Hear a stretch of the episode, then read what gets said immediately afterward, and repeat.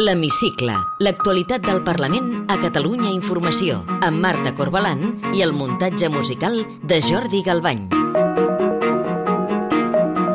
El judici a Laura Borràs, pendent de sentència, ha reobert el debat sobre les pensions que cobren els expresidents del Parlament i de la Generalitat un cop deixen el càrrec. Són privilegis que s'han de suprimir? Aquesta setmana el PSC, en Comú Podem i Ciutadans han registrat diferents propostes al Parlament per eliminar, amb matisos diferents, la pensió vitalícia i les retribucions que perceben. Avui entrevistem la diputada de Junts per Catalunya i secretària segona de la mesa, Aurora Madaula. Benvinguts a l'Hemicicle. Actualment, els expresidents del Parlament i també de la Generalitat tenen una pensió vitalícia del 60% del seu sou quan compleixen 65 anys. A partir del moment que abandonen el càrrec, també tenen dret a una assignació mensual del 80% que cobren com a mínim durant els 4 anys posteriors a ser cessats. Per fer-nos en una idea, el sou d'un president del Parlament supera els 150.000 euros bruts anuals i l'actual president de la Generalitat, Pere Aragonès, cobra uns 130.000 euros bruts a l'any després que decidís rebaixar-se el sou un 15%. Amb el rerefons del cas Borràs, el PSC proposa modificar la llei i eliminar totes les atribucions econòmiques a què tenen dret els expresidents del Parlament perquè ho veuen com un privilegi. La portaveu socialista al Parlament, Alicia Romero, també s'ha mostrat disposada a obrir el meló per als expresidents de la Generalitat. Potser eh, podríem revisar, no?, perquè hi hagi un mínim de temps, que has d'estar a la presidència...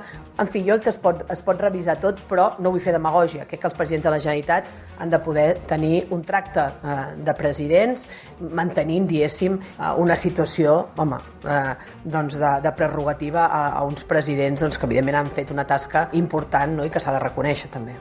Els comuns també han presentat una proposta pròpia on es demana revocar automàticament tots els drets i prerrogatives dels expresidents del Parlament i també de la Generalitat, però només si són condemnats per corrupció. Si s'aprovés aquest canvi legislatiu, podria afectar de ple la presidenta suspesa de la cambra, Laura Borràs, en el supòsit que fos condemnada pel cas de la institució de les lletres catalanes. El portaveu d'en Comú Podem, David Cid, troba de sentit comú el que proposen. Nosaltres no ens podem podem permetre com a país que el Parlament de Catalunya, que al final no, rep els recursos des del, no, en aquest cas des del pressupost de la Generalitat, eh, estigui pagant una indemnització a una persona que està condemnada per sentència ferma per corrupció. El líder de Ciutadans, Carlos Carrizosa, i el portaveu de Vox, Joan Garriga, van més enllà. Nosotros hemos subido un poco más la apuesta y hemos incluido a los presidentes de la Generalitat, a los consellers y al cap de la oposició. El PSC solo acierta cuando copia Vox, pero lo copia tarde y mal porque nosotros llevamos eh, intentando llevar al Pleno del Parlamento una reforma legislativa para acabar con los privilegios de los expresidentes del Parlamento y con los privilegios que son más cuantiosos aún y más luminosos de los expresidentes de la Generalitat de Cataluña. Per Catalunya, Esquerra Republicana i la CUP han rebut les diferents propostes amb recels. Tots estan oberts a afrontar aquest debat, però amb matisos. La portaveu de Junts, Mònica Sales, avisa que no donaran suport a cap iniciativa que es faci pensant en un cas concret en al·lusió a Laura Borràs. Junts per Catalunya està al costat de racionalitzar aquestes qüestions, però no donarem cobertura a propostes que siguin oportunistes i que no es puguen treballar des del consens. La portaveu d'Esquerra, Marta Vilalta, demana ampliar el focus a altres cambres com el Congrés. Estudiem les propostes que ens serveixin per millorar i per reforçar les institucions, sí, però fem-ho tot arreu, perquè si no el debat seria trampós i parcial.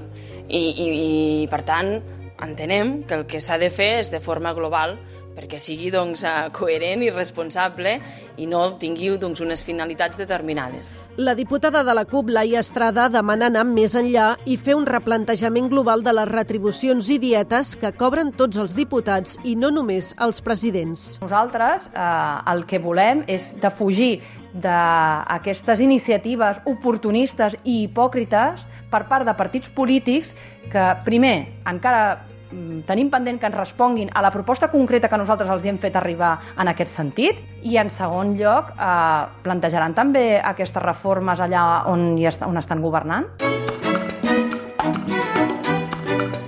Té la paraula Soc l'Aurora Madaula i Jiménez, soc diputada de Junts per Catalunya al Parlament i secretària segona de la mesa.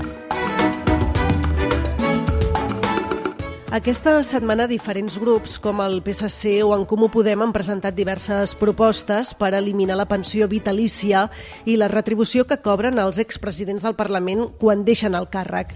I està d'acord amb aquestes iniciatives? Jo estic d'acord amb les iniciatives que racionalitzen tots els, eh, les pensions o les, tot el que ja sigui relacionat amb els electes i amb el, fins i tot amb els funcionaris, que és el que hem estat fent, la feina que hem estat fent en els dos anys que porto jo a la mesa. En aquest cas, eh, bueno, jo crec que s'ha d'obrir un debat de tot això i, i el que no m'agradaria és que fos una, una proposta o una iniciativa ad hoc. Aquestes iniciatives s'han presentat justament ara, quan eh, s'espera la sentència a Laura Borràs. Creu doncs, que són iniciatives eh, que s'han pensat específicament per un cas concret? A mi em fa sospitar això. Ells diuen que no, però a mi m'ho fa sospitar i també em fa sospitar que estem davant d'unes eleccions i em sembla una mica populista i electoralista, perquè recordem que des de... Bueno, recordem, no ho sé perquè no sé si se sap, perquè aquestes coses ara se saben, però fa des del 2008, per exemple, que hi van haver canvis molt substancials que ningú, ningú, des del 2008 fins al 2023 que som ara, ningú, ningú, cap membre de la mesa, cap diputat, ningú va fer res, excepte la presidenta Borràs, que va començar a moure, a modificar i a racionalitzar doncs, mm, els trienis, les llicències d'edat, els premis de jubilació i diferents prerrogatives, les dietes dels diputats. Tot això va ser iniciativa des de que, des de que entra la presidenta Borràs a la mesa del Parlament i a presidir el Parlament. Fins aleshores ningú havia dit res. I, ara, i que ara surti això que l'afectaria directament amb ella, segurament, però també afecta a d'altres expresidents, i es faci, quan estem esperant, com bé has dit, una sentència, i es faci eh, un període preelectoral, bueno, em, fa, em fa sospitar, certament. En cas que Laura Borràs fos condemnada i inhabilitada, el reglament del Parlament diu que fins que la sentència no és ferma, el diputat o diputada no pot perdre l'escó. Què hauria de fer la mesa del Parlament en aquest supòsit si fos inhabilitada? Doncs el Parlament eh, i la mesa del Parlament el primer que ha de fer és mantenir la presumpció d'innocència i eh, garantir els drets fonamentals que estan per damunt de qualsevol altre reglament o, o situació legal. Això és el que primer hem de fer i que hem de garantir. I després, eh, és evident, la sentència ferma no és la sentència que surt del TCJ, perquè la presidenta tindria, tindria dret a recórrer-la. I també recordar que la GEC, que seria l'organisme que iniciaria aquesta... no pot iniciar-ho d'ofici, sinó que ho iniciaria a petició d'algun grup parlamentari aquesta petició de retirada de l'escó, com ha fet en altres ocasions, és un òrgan administratiu i no ho pot fer.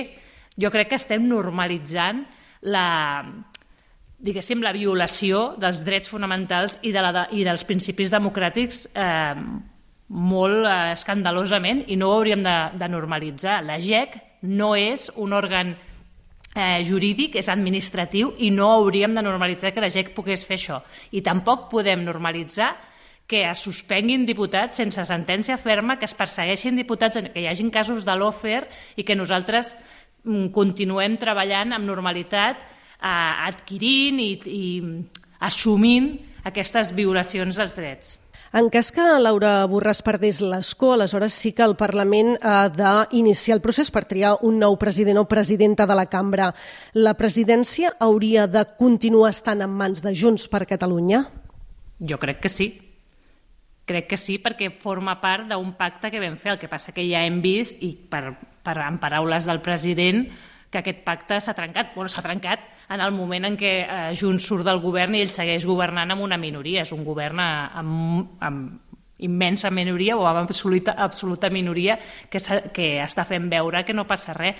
Però crec que sí, que la presidència de la cambra hauria de continuar amb Junts perquè és de Junts, perquè va, ser, va significar aquest pacte resultat de les eleccions, un pacte que recordem es va fer amb una majoria independentista del 52% dels vots, que nosaltres com a Junts volem seguir defensant que hi ha un procés independentista, que hi ha un mandat independentista que ens van donar les urnes a les últimes eleccions del 14 de febrer i que volem seguir eh, defensant des de la presidència del Parlament de Catalunya. I confia que eh, Esquerra respectarà aquest eh, pacte que van segellar a inicis de legislatura, segons el qual la presidència de la Generalitat seria per Esquerra i la del Parlament per Junts. Li pregunto perquè fa uns dies el president aragonès va donar per superat aquest pacte. Jo confio que es mantindran les, les majories o es defensaran les majories independentistes perquè ells han, han dit i han repetit en diverses ocasions que volen eh, seguir defensant les, la majoria independentista del 52% i que, que, i que ells hagin pactat els pressupostos amb una força unionista amb dues forces unionistes espanyolistes i una força que va donar suport al 155 no té res a veure amb el procés independentisme. Jo, independentista jo crec que té molt a veure, però és el que diuen ells.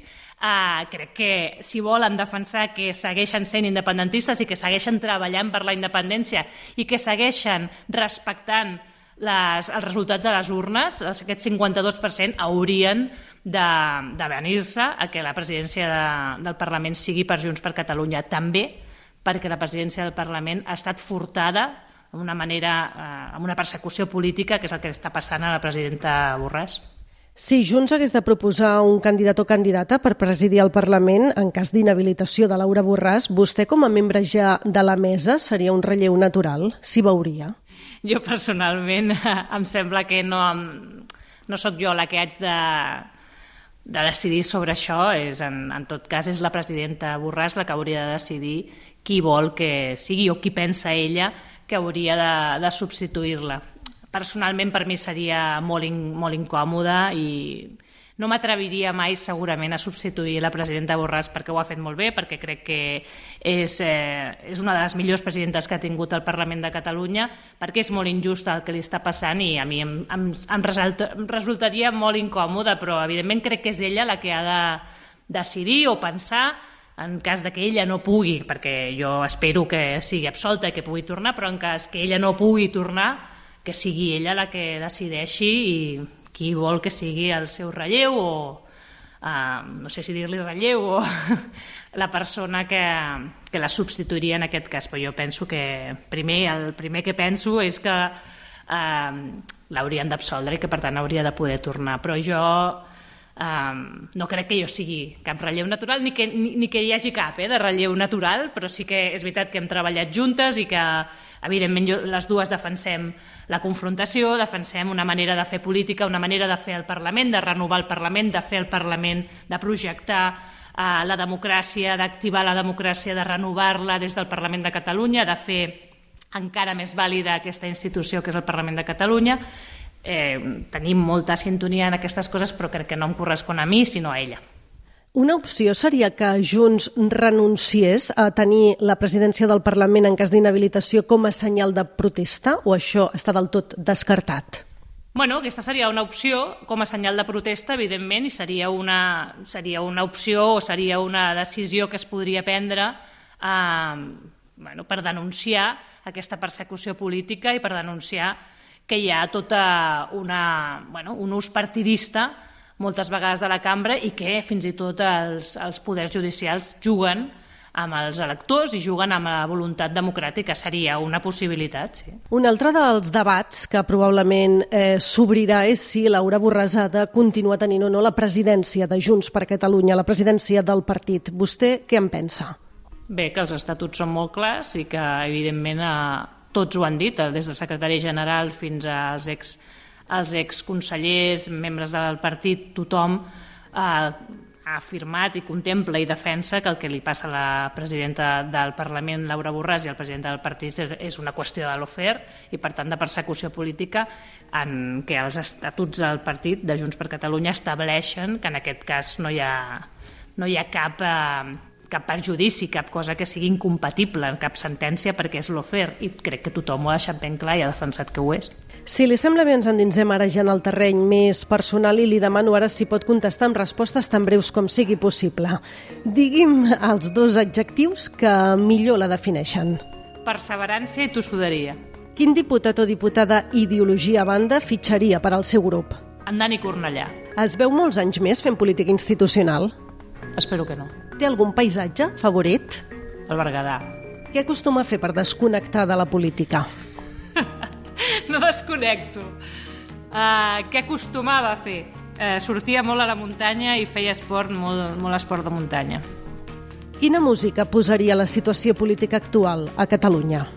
Una música segurament bèl·lica.